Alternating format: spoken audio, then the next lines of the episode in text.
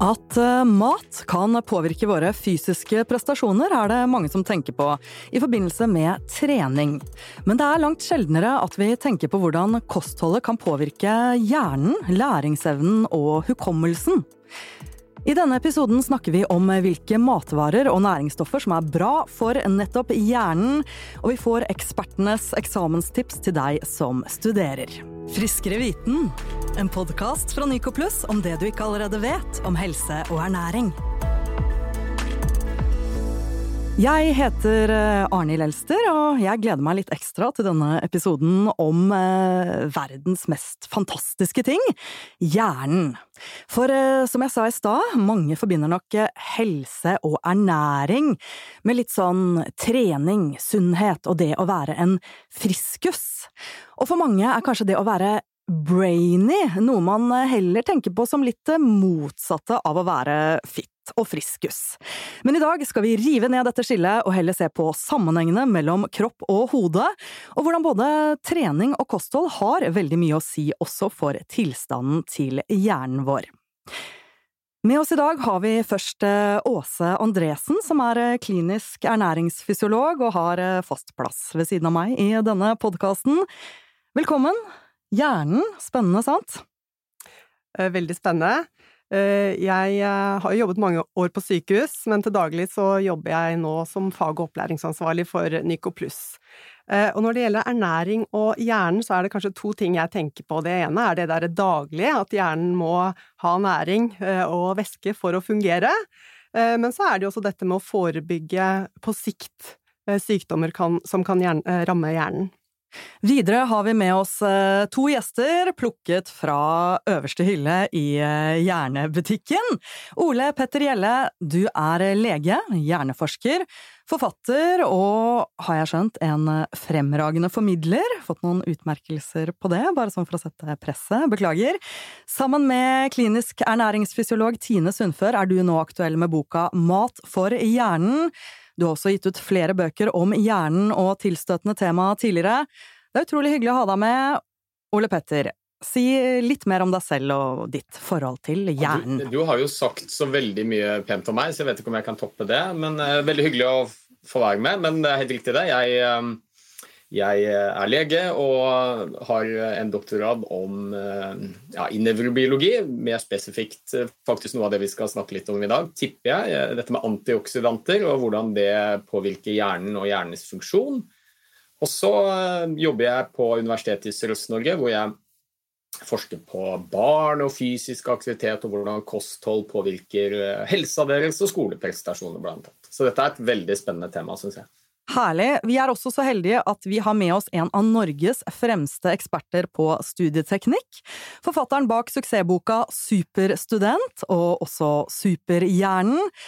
Han har gått på Oxford, Berkeley og Handelshøyskolen i Bergen, men eh, hevder selv at han ikke er spesielt smart. For eh, som med løping, skigåing og ølbrygging for den saks skyld, så handler det å bli bedre ikke bare om å gjøre det mye, det handler også om teknikk. Og skal vi tro Olav Skjeve, så gjelder dette også for det å studere og lære. Olav, velkommen! Har du også lyst til å si litt mer om deg selv? Det kan jeg godt. Eh, jeg er brennende opptatt av studieteknikk og hvordan man kan bruke teknikker og metoder til å lære mer effektivt. Vi skal jo rett inn i ditt fagfelt, vi, eh, Olav, og vi begynner med studieteknikk. Men eh, først så må vi nesten spørre om det vi alle lurer litt på. Var du selv en god student? Eh, ikke til å begynne med. Til å begynne med så var jeg en ganske gjennomsnittlig student, og jeg var litt frustrert over at jeg brukte mye tid på å studere, men uten å få de resultatene jeg ønsket meg. Men så oppdaget jeg at de som fikk gode resultater, de hadde også bedre teknikker enn meg, så det skapte en interesse for å bli bedre på det å studere. Um, og jeg gikk på biblioteket og tok med meg bøker om uh, effektiv læring og begynte å eksperimentere og, og gjøre det jeg kunne for å, å, forbedre min egen studieteknikk. Ja, og hvordan kom du fram til uh, de teknikkene som du lærer bort i boka di, Superstudent? I begynnelsen så var det veldig mye prøving og, og feiling. Jeg eksperimenterte mye selv. Jeg husker bl.a. at jeg hørte på lydbok på engelsk mens jeg lå og sov for, sov for å se om jeg kunne lære meg noen nye ord og bedre uttale. Og det var mye av det som ikke fungerte, men jeg ble jo etter hvert også mer og mer bevisst på hvordan jeg lærte og hva som, hva som fungerte. Um, og så har jeg jo ikke stoppet nå heller. Jeg, eh, jobber jo kontinuerlig med å lære mer om, om, læring, men nå leser jeg mest forskningsartikler og deltar i spennende samtaler med andre, slik som jeg ser fram til å gjøre her i dag med dere. Så det begynte rett og slett med egne erfaringer, og så prøving og feiling, og så har du spesialisert deg til at dette er ditt eh, nå, ja. Åse, du studerte ernæringsfysiolog, et uh, studium jeg ser for meg at krever mye pugging. Tok du i bruk noen uh, studieteknikker? I hvert fall ikke bevisst. Eh, jeg er jo et utpreget B-menneske, så jeg eh, husker jeg studerte mye sånn på natterstid. Da var jeg mest effektiv. Eh, og jeg var nok også litt sånn skippertak-person, sånn som man sikkert ikke bør være hvis man tenker langsiktig læring. Men det funka jo på et vis for meg. Men jeg skulle sikkert ha tatt tak i det å lære meg litt bedre studieteknikk, helt klart. Olav, skippertak, ja eller nei? Altså, det kan fungere for å få en god karakter på eksamen, men det som er utfordringen er at veldig mye av det man, man lærer seg på kort tid, glemmer man ganske raskt igjen. Så hvis man vil gjøre det bra på en eksamen, men også ta med seg den kunnskapen videre til kanskje neste semester og en, og en, en annen eksamen eller senere i livet, så burde man styre unna skippertak i så stor grad uh, som mulig. Hva med deg, Ole Petter? Medisin, eh, tok du i bruk noen metode? Ja, jeg tok i bruk den eh, metoden som Olav mener man bør styre unna. Så jeg var en utpreget skippertaksstudent. Så om, om, jeg var en god student, det, det, kommer litt an på hvordan man definerer det. Karaktermessig så gikk det veldig fint, men, eh, men eh, jeg var til tider ganske demotivert og gjorde veldig mye annet mye av studiet. Og så var det masse lesing før eksamen. Og så har jeg jo etter hvert da når jeg har begynt å jobbe og undervise, eh, så er jo ikke det jeg forkynner for eh, studentene mine. Så jeg er helt enig med Olav at det, det kan funke for å gjøre det bra på eksamen, men jeg tror det du sitter igjen med av læring, er ikke like, like bra alltid. Nei, det er nok mange som kan eh, kjenne seg igjen da.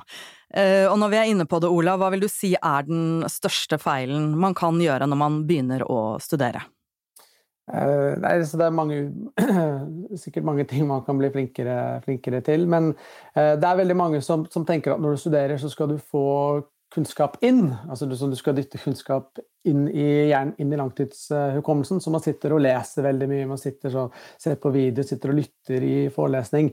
Men beste måten å få kunnskap til å, å lagre seg på, er faktisk å, å heller hente den kunnskapen ut så mye som mulig fra hukommelsen sin. Så, så bruke litt tid på å ta inn, men egentlig bruke mesteparten av tiden på å snakke om det, på å skrive om det, på å teste seg selv i det man har lært. Eh, jo mer du henter kunnskap ut, jo bedre fester, eh, fester det seg. Eh, så det at man kanskje blir sittende og, og lese veldig mye og veldig passivt ta inn kunnskap, det tror jeg er en, en feil som mange gjør. Akkurat. Så kollokviegruppe, for eksempel, det er et ja, eller? Det er eh, kjempebra. Ja. Så, så, må man selvfølgelig passe på at man, man, eh, man, bruker den tiden godt. da, Faktisk snakker om fag og ikke alt mulig rart annet. Hvis man gjør det, så er kollokvie gull. Ja. Og så sa du eh, skippertak funker, men ikke på sikt. Men fram mot eksamen, da, som er et høydepunkt og kanskje ikke et gledelighet. Men hva er de, da dine beste tips til studieteknikk opp mot selve eksamen? Eh, det første er å starte med å se på tidligere eksamensoppgaver for å danne en forståelse av hvordan eksamen er. Alle eksamener er forskjellige, og det er viktig å kjenne eksamensformatet og hva som kreves på den, på, på den, forestående eksamen for å gjøre det bra. Så man kan gjøre litt eh, analyse. Og så viser jo forskning at den beste måten å forberede seg til en hvilken som helst eksamen på, er å gjøre så mange oppgaver som mulig som ligner på den du vil få på eksamen. Og Da er man typisk tilbake igjen til tidligere eksamensoppgaver, og at man bør løse så mange som mulig eh, av de. Og For å optimere det så kan det være lurt å uh, forsøke så mye som mulig på egen hånd og vente med å se på løsningsforslaget til, til man absolutt må. Uh, og Så kan man også supplere disse oppgavene med andre oppgaver i faget. Og så vil jeg si en ting til når man jobber med tidligere eksamensoppgaver, og det er, det er at det er veldig vanlig å jobbe på kryss og tvers av tidligere eksamensoppgaver, slik at man tar ett dag med ett tema, og så tar man neste dag med et annet tema osv. Men der viser forskningen at det er bedre å heller ta alle oppgavene til høsten 2020 og så alle oppgavene til våren 2020, slik at man blander litt temaer. Da lærer man seg det bedre enn når man jobber for mye i eh, på en måte ett tema før man går videre til neste. Ja. Mange gode og konkrete råd der. Eh, jeg er nok skyldig som flere her. Jeg har studert en god del sjøl, i hvert fall ser det sånn ut på studielånet mitt. Og jeg gjorde det i all beskjedenhet ganske bra, men det jeg kjenner på, er jo at jeg husker nesten ingenting i dag. Jeg har nok med meg litt sånn tilnærminger, tankeganger, måter å tilegne seg kunnskap på, men jeg føler at alle detaljene og liksom selve kunnskapen, i hvert fall fra de feltene jeg ikke har jobbet videre med, er borte. Og dette med hvordan vi faktisk kan ta vare på hukommelsen, det skal vi se eh, nærmere på nå. For eh, Ole Petter, du er eh, hjerneforsker. Var det forresten dette du drømte om å bli da du var liten? Nei, du, det var det på ingen helst måte. Det var nok litt, litt tilfeldigheter som spilte inn. Jeg skulle egentlig bli økonom. Jeg trodde jeg gikk på handelsgym i Oslo. og så ja, endte det opp med at jeg reiste til USA et år som utvekslingsstudent. og Så havnet jeg i et litt annet miljø, og så hadde jeg en eh, trener der borte som var lege. og Så var jeg med ham på jobb en dag, husker jeg, og syntes det virket veldig spennende. Så da byttet jeg interesse, felt, og ja, begynte å studere medisin, og så igjen noen tilfeldigheter. Men eh, jeg husker vi hadde en foreleser, og dette forteller jo litt om hvor viktig god undervisning er. Det var en foreleser på legestudiet i Oslo som heter Per Brodal. Helt fantastisk kunnskapsrik og eh, utrolig god til å formidle. Så jeg ble jo skikkelig engasjert og interessert. Og så tok jeg permisjon fra legestudiet et år for å forske litt på hjernen, og da var det gjort. Så ja. det er en rekke tilfeldigheter, egentlig, men jeg er veldig glad for at jeg valgte det, det temaet. Det er liksom, den mest komplekse strukturen vi kjenner til på denne planeten. Det er hjernen vår. Og det er fortsatt veldig mye vi ikke vet, så det er jo spennende. Man finner ut nye ting om hjernen hver eneste dag. Ja, ikke sant, for du, du forsker jo på hjernen, og det er et litt platt spørsmål. Jeg har lyst til å spørre deg hva du syns er så interessant med hjernen, men det, det sa du jo på en måte nå. Så vi skal heller gjøre det litt mer konkret, fordi du har gitt ut boka Mat for hjernen, som gir en innføring i hvordan kostholdet vårt påvirker hjernen. Og hva bør man spise hvis man vil ha skjerpet oppmerksomhet og bedre hukommelse? Det er et godt spørsmål. Her kan vi jo begynne å snakke om enkeltkomponenter i, eh, i maten vår. Men eh, hvis vi snakker om et eh, Og det er jo egentlig litt interessant at hvis vi snakker om et kosthold som er bra for hjernens funksjoner, oppmerksomhet, konsentrasjon, humør, og som samtidig bevarer hjernehelsa vår, så viser det seg at det kostholdet er jo også det som er bra for hjertehelse og kroppen generelt. Så um, det nærmeste vi kommer et sånt kosthold som gjør alt for helsa vår og hjernens funksjon og kroppens funksjon, det er jo et kosthold som eh, ligner litt på det vi kaller et middelhavskosthold. Mm. Med, med fokus på mye frukt og grønt og bær, det er, det er viktig, for der, der finner vi f.eks. veldig mye antioksidanter som eh, er viktig for å styrke nervecellenes funksjon, gjøre de mer robuste så de ikke forfaller med alder på samme måte, bremser faktisk aldringsprosessen og beskytter oss mot en rekke forskjellige hjernesykdommer. Jeg kan nevne Parkinsons, Alzheimers sykdom som et par eksempler. Så er det mat med mye, mye fiber, Fiber er viktig for, eh, for helsa vår. Og så er det mm, mye fokus på sunne fettsyrer, bl.a. disse omega-3-fettsyrene. Mm. Eh, spise mye fet fisk. Eh, litt begrenset med sukkerinntak. Og moderat alkohol. Ja. Og spise lite prosessert mat. Altså spise noe kjøtt, men rent kjøtt, osv. Ja, Så det er ikke den store overraskelsen at eh, eller sånn, sunn mat er bra for alt. Det er ikke noe sånn e egen kategori for hjernen sånn sett. Nei, og det er jo litt fint. Da. Det er ikke sånn at du må spise én type mat for å ta vare på hjernen din, og en annen type mat for å ta vare på helsa. Men jeg har jo også lyst til å si at eh, det, det handler mye om å spise variert. Og akkurat når det gjelder hjernehelse også, så tror jeg det er et eh, moment som er veldig undervurdert, og det er jo at hvem du spiser med det er sannsynligvis like viktig for hjernehelsa som hva du spiser. Altså det med matglede.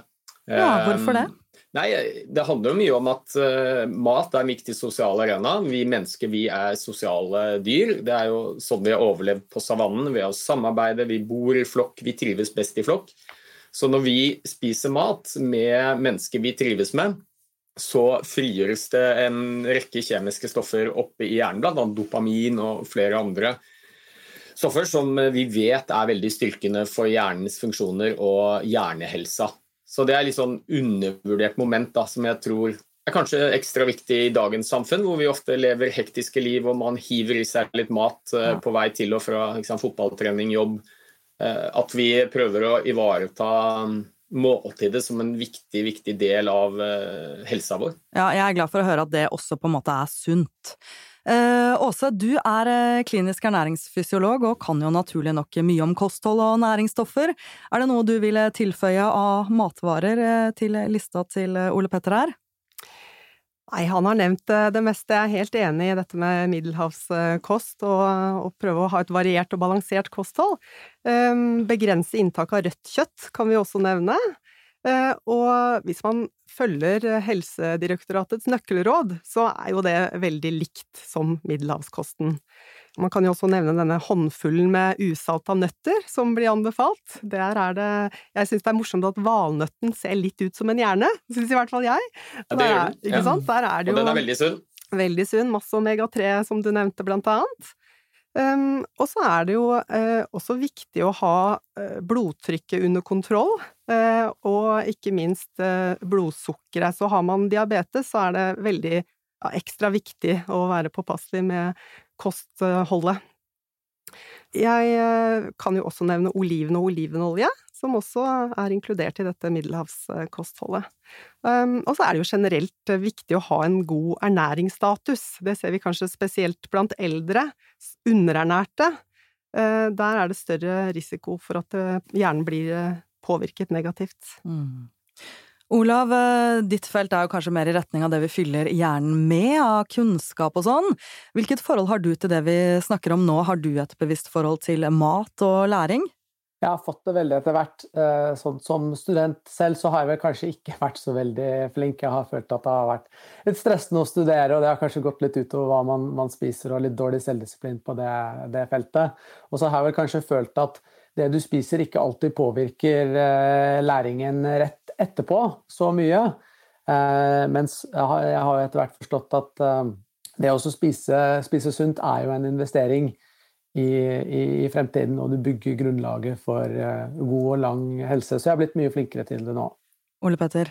Ja, jeg tenkte jeg skulle si en ting som uh, gjelder dette med kosthold og hjernens uh, ja, evne til å prestere, f.eks. Som, uh, som student. Og en ting vi ikke har snakket så mye om, det er jo dette med blodsukker. Nervecellene våre de har et favorittdrivstoff, og det er glukose. Mm. Og, og det, i, i bunn og grunn så må de ha det for å fungere optimalt. Og, og, Da gjelder det å ha et uh, stabilt blodsukker som er tilstrekkelig høyt, sånn at alle nervecellene får nok drivstoff. Og um, En ting jeg har stusset litt over, det er jo Jeg har jobbet på et universitet og høyskole i mange år og undervist. Og studentene som bruker masse tid og energi. ikke sant? De skal, de bruker, studieteknikk er de opptatt av. De putter ned masse arbeid for å lære mest mulig. Gjøre det best mulig på eksamen. Og så kommer eksamensdagen. Og da er jeg ofte sånn faglærer da, som er innom eksamenslokalene i tilfelle studentene har noen spørsmål osv. Og, så og da ser jeg, ikke sant, da er det brus, og det er boller, og det er sjokolade. Og det som skjer da, Hvis det er det primære drivstoffet du gir til nervecellene dine når du skal prestere på en eksamen, og det å spise den type mat med veldig mye rent sukker, det er litt som å hive bensin på et bål. Du får en veldig høy flamme, altså blodsukkeret ditt stiger raskt, du føler deg nok ganske full av energi i løpet av kort tid. Men så dør flammen veldig mm. fort ut, litt som bensinen på bålet. Fordi vi skiller ut insulin, som tar og frakter sukkeret vekk fra, blodbanen, nei, ja, vekk fra blodbanen og til vevet vårt. Og da ender du opp ofte med et blodsukker som er litt for lavt. Og da presterer du dårlig. Ja, pappa sendte alltid med meg altså, eh, druesukker i eh, som tablett, druesukkertablett, sendte han med meg rett og slett på eksamen. Eh, det er vel sikkert mange som har med disse tingene også for å kose seg litt og ha en motivasjon, men ha med noe ordentlig å spise i tillegg, kanskje? Og ikke minst det man spiser på forhånd, tenker jeg også. Man må tenke litt som en idrettsutøver. ikke sant? Havregrøt, for eksempel, før, eh, en times tid før eksamen. Så har man litt å ja, gå på. Ja, absolutt. Og det er ikke noe galt i å spise karbohydrater, det trenger vi, men gjerne litt sånn langsomme karbohydrater. da. Det er litt som å putte en vedkubbe på bålet. Det brenner ikke, litt, ikke intenst, men veldig mye lenger. Men hvis jeg har tid, så kunne jeg, for, hvis jeg får lov til å fortelle om et forskningsprosjekt som viser veldig godt da, hvor utrolig viktig det er med et stabilt eh, blodsukker. Ja, vær så god. Ja, Det var en eh, studie, veldig uortodoks riktignok, som ble gjort i Israel for noen år siden, hvor de så på et panel med høyesterettsdommere. Åtte stykker som hadde gått gjennom 1000 saker om benådning. Altså det var fanger da som hadde søkt om tidlig benådning og så hadde dette dommerpanelet de hadde fem minutter til hver eh, søknad. og Det eneste de skulle si, var tommel opp, ja, du blir løslatt tidlig, eller tommel ned, du blir ikke løslatt tidlig. Og Så satt de fra åtte om morgenen til eh, fire på ettermiddagen. Og så kartla man da Og så fikk de frokost, lunsj og middag. Og så så man på andelen eh, godkjente søknader, da, tommel opp. Og da så man at like etter at dommerne hadde spist frokost, så var det rundt 70% av fangene som fikk godkjent søknaden sin. Og Så gikk det noen timer, og så hadde det gått noen timer siden dommerne spiste. og Jo nærmere de kom lunsj, jo lavere ble blodsukkeret deres. Og da, like før lunsj, når blodsukkeret var på det laveste, så var vi nede i 5-10 som fikk godkjent søknaden sin. Så spiste dommerne lunsj, og så var vi tilbake igjen til rundt 70-80% godkjente. Og så sank det ned mot middag igjen. Wow. Og det Eh, forteller jo oss at det her er utrolig kompetente folk som eh, skal ta viktige avgjørelser i samfunnet. Og så er det mange ikke-juridiske faktorer da, som spiller inn. Altså Rett og slett blodsukkeret til dommerne uh, var en viktig avgjørende for faktor for hvilken avgjørelse de tok. ja, det er, Det er litt uh, fascinerende og skremmende Og på en ja. gang. ja. Her har det vært innom mange ulike ting man burde spise, og omega-3 hører jeg blir nevnt eh, igjen og igjen. Åse, kan ikke du si noe om hva man burde se etter når man skal velge omega-3? Det er jo faktisk spesielt denne lange omega-3-fettsyren DHA som er viktig for hjernen. Eh, Og allerede under svangerskapet eh, så er det kjempeviktig at gravide får i seg tilstrekkelig av den. Og fet fisk har jo allerede blitt nevnt. Myndighetene anbefaler jo 200 gram fet fisk i uka. Det er riktignok bare én av fire av oss som faktisk får det til, så der er det potensial for forbedring. Um, og så er det jo uh, også vegetabilsk omega-3, som vi nevnte i valnøtter, rapsolje, andre, uh, andre nøtter. Uh, så DHA, det er et nøkkelord her. Dette er et nøkkelord. Ja, det er veldig deilig at dere nå har nevnt frukt og grønt, fiber, omega-3, lista opp hva man eh, burde spise, men eh, jeg i hvert fall eh, ender ofte opp i mange situasjoner med annen mat enn den jeg burde. Og vet vi noe om hva som styrer våre matvalg, Ole Petter? Å ja, det, det vet vi mye om. eh, Og det er jo uendelig mange faktorer som påvirker. ikke sant? Fra bakgrunn til eh, økonomi.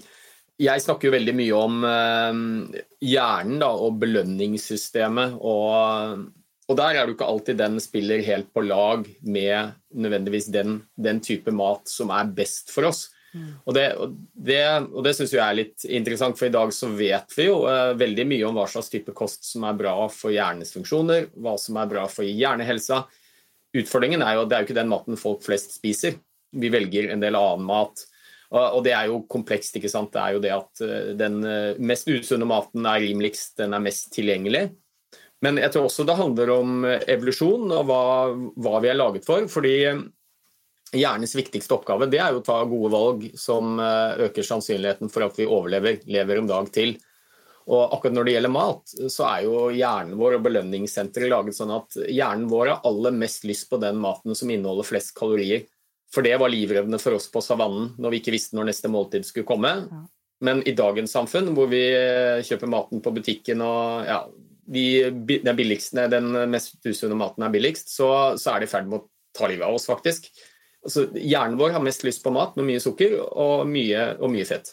Ja. Og, og, det, og, det, er jo rett og slett fordi evolusjonen har laget en kobling mellom smaksløkene på tunga og belønningssenteret i hjernen, som gjør at hver gang vi får noe søtt på tunga eller noe som inneholder mye fett, så blir det en dopaminfest oppe i belønningssenteret. Og det, det er ikke så bra for oss i dag. Det var veldig bra for oss for tusenvis av år siden. Ja, det er spennende at uh, mat, som jo er noe så hverdagslig, har så mye å si for hvordan hodet vårt uh, fungerer. Et tema som uh, opptar svært mange, det er hukommelsen, og ikke minst frykten for å miste den. Vi skal snakke litt nå om ulike hjernetilstander som påvirkes av kostholdet. Ole Petter, kan ikke du fortelle litt om noen vanlige sykdommer som kan ramme hjernen? Ja, jeg kan jo nevne to, da. Og hjerneslag. Det er jo en, det er den tredje vanligste dødsårsaken i Norge. Og det er en eh, sykdom som vi i faktisk veldig stor grad kan forebygge. Så vi unngår å få den ved å spise et sunt og variert kosthold. Og Da er vi tilbake igjen på mye av det vi har snakket om. Vi vet at disse frukt og grønt med mye antioksidanter er viktig for å beskytte nervecellene. Det gjør at de blir mer robuste, de tåler mer. Og så er det um, sunne fettsyrer som uh, er bra for kolesterolnivået vårt. Vi vet at en viktig risikofaktor for å få hjerneslag det er en uheldig kolesterolprofil, da, som vi kaller det, med mye av det dårlige kolesterolet, som heter LDL, og eventuelt lite av det gode, som heter HDL. Og er du f.eks. flink til å bevege deg, og du spiser uh, mye sunne fettsyrer, og kanskje prøver å unngå mat med veldig mye mettet fett, type dyrefett, animalsk fett, så fete meieriprodukter osv., så, videre, så så vil du være med på å betydelig redusere sannsynligheten for å få hjerneslag. Via kostholdet. Det, det er verdt å merke seg. Noen andre tilstander du, som har direkte med hjernen å gjøre? Ja, Vi kan jo snakke om en sykdom som er en av de hjernesykdommene som folk flest frykter mest. og Det er jo Alzheimers sykdom, eller uh, demens, da, hvis vi bruker den sekkebetegnelsen. Uh, demens er en uh, samlebetegnelse for de tilstandene som i stor grad påvirker hjernens det vi kaller kognitive funksjoner. Som i stor grad er hukommelse, evnen til å planlegge og gjennomføre oppgaver osv. Uh, Ca. 60% av alle demenstilfeller skyldes Alzheimers sykdom. Uh, og så skyldes de resterende en kombinasjon av flere, men bl.a. Eh, dårlig sirkulasjon til hjernen. Altså det er rett og slett en hjerte-karsykdom som er årsaken til demensutviklingen. Kan... Det er 100 000 nordmenn som har demens i Norge i dag. Og det er en veldig voksende sykdoms... Altså hyppigheten er voksende fordi vi, vi stadig vekk blir eldre. Ja, og det er jo en, en, tilstand som i primært rammer eldre. Og jeg skjønner at her henger ting sammen eh, på mange måter, men kan dette forebygges via kosthold, eller er det for enkelt? Nei, det, det er ikke for enkelt. Altså, det er flere grunner til at Alzheimers sykdom for eksempel, da, som er den vanligste typen oppstår. Gener spiller en viktig rolle, men miljøfaktorene som vi kan påvirke selv, er enda viktigere. Og, da skal jeg si selvfølgelig litt om kosthold, men jeg vil jo bl.a. si at det har vist seg at uh, to hurtige spaserturer i uka, så du blir litt svett av andpusten, kan være med å nesten halvere sannsynligheten for at du får Alzheimers sykdom gjennom livet. To gåturer i uka. Og så er kosthold viktig, uh, og da er vi igjen mye i det samme, altså. Frukt og grønt, antioksidanter, spise variert, uh, få i seg disse sunne fettsyrene Eh, omega-3-fettsyre bl.a. er viktig og har vist seg å ha en beskyttende effekt. Så igjen så er vi tilbake til mye av det samme. Da. Eh, komponentene i middelhavskostholdet. Mm. Som jeg også bare vil si at som ble nevnt tidligere, er veldig likt eh, det Helsedirektoratet anbefaler. Kanskje litt mer fokus på disse sunne fettsyrene.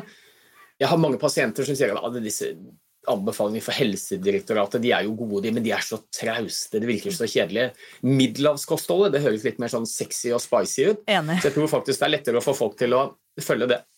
Åse, til slutt, er det noe annet enn kosthold som du har lyst til å trekke fram for, eh, som er viktig for god hjernehelse? Nei, nå har jo også fysisk aktivitet eh, blitt nevnt, og vi var jo så vidt innom alkohol også tidligere i dag. Eh, så det også er jo viktig å prøve å holde seg under disse maksgrensene på Det er vel 14 enheter i uka for kvinner og 21 enheter eh, i uka for menn. Jeg noterer. og så må vi kanskje nevne dette med ja, og sosial helse også. Og hvis man klarer å kombinere fysisk aktivitet og noe sosialt, så tenker jeg det må vel være bra for hjernen. Du, og Det er et veldig godt poeng. Jeg sa det var flere miljøfaktorer som spiller inn. og Mye tyder på at kanskje den viktigste eh, miljøfaktoren, da, altså livsstilssaken, som, eh, som, eh, er med på å bremse utviklingen av Alzheimers demens, men også forebygge sykdommen, det er å ha gode sosiale relasjoner. Det å ha nære vennskap, folk som bryr seg om deg, som du bryr deg om, som du kan gå til når ting er vanskelig. Spiller ingen rolle hvem det er, om det er en ektefelle, barn, venn, venninne det er faktisk mer beskyttende for eh, hjernehelsa vår enn kanskje både kosthold og trening til sammen. beveg deg. Spis sunn mat sammen med noen du er glad i, så slår du flere fluer i en smekk her. Det går mot slutten her. Eh, vi eh, pleier å avslutte denne podkasten med noen tips til lytterne, og det må vi jo gjøre i dag også, syns jeg. Få med noen siste tips til god hjernehelse. Olav, har du forslag til en god øvelse for eh, hukommelsen som man kan praktisere i hverdagen? Jeg vil i hvert fall si at Hvis man synes at man glemmer informasjon lett, så er ofte ikke utfordringen at man glemmer, men det er mer at man ikke har hatt så gode teknikker når man lærte det til å begynne med. Så eh, når man lærer, lærer, noe nytt, om det er navn eller noe annet, så er det veldig lurt å forsøke å, å, å tenke aktivt på det og knytte det til andre ting man kan.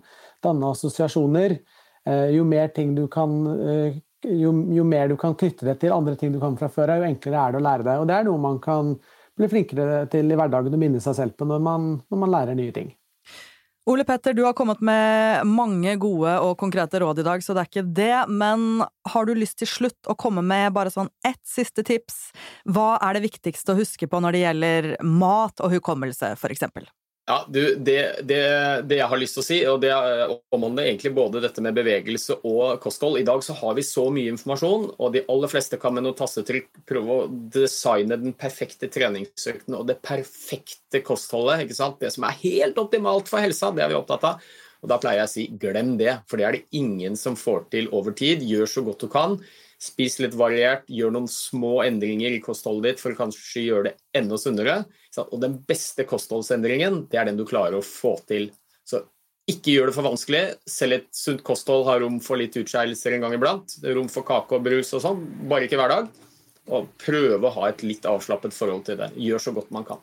Ja, ikke sant. Og den beste treningsøkta er den man får gjort. Det sier alltid jeg. Ja. Eh, Åse, til slutt, hvis man skal begynne å tillegge seg én god vane som er bra for hjernen, hva burde det være, syns du? Jeg må også nevne vann, jeg, ja. for det å være godt hydrert er jo også et viktig poeng, både på kort sikt og lang sikt. Så vann som tørstedrikk, og sette seg enkle mål. For eksempel kan det være fem om dagen med frukt og grønt. Herlig, dere. Det har vært en eh, sann glede å få diskutere sjølvaste hjernen med dere i dag.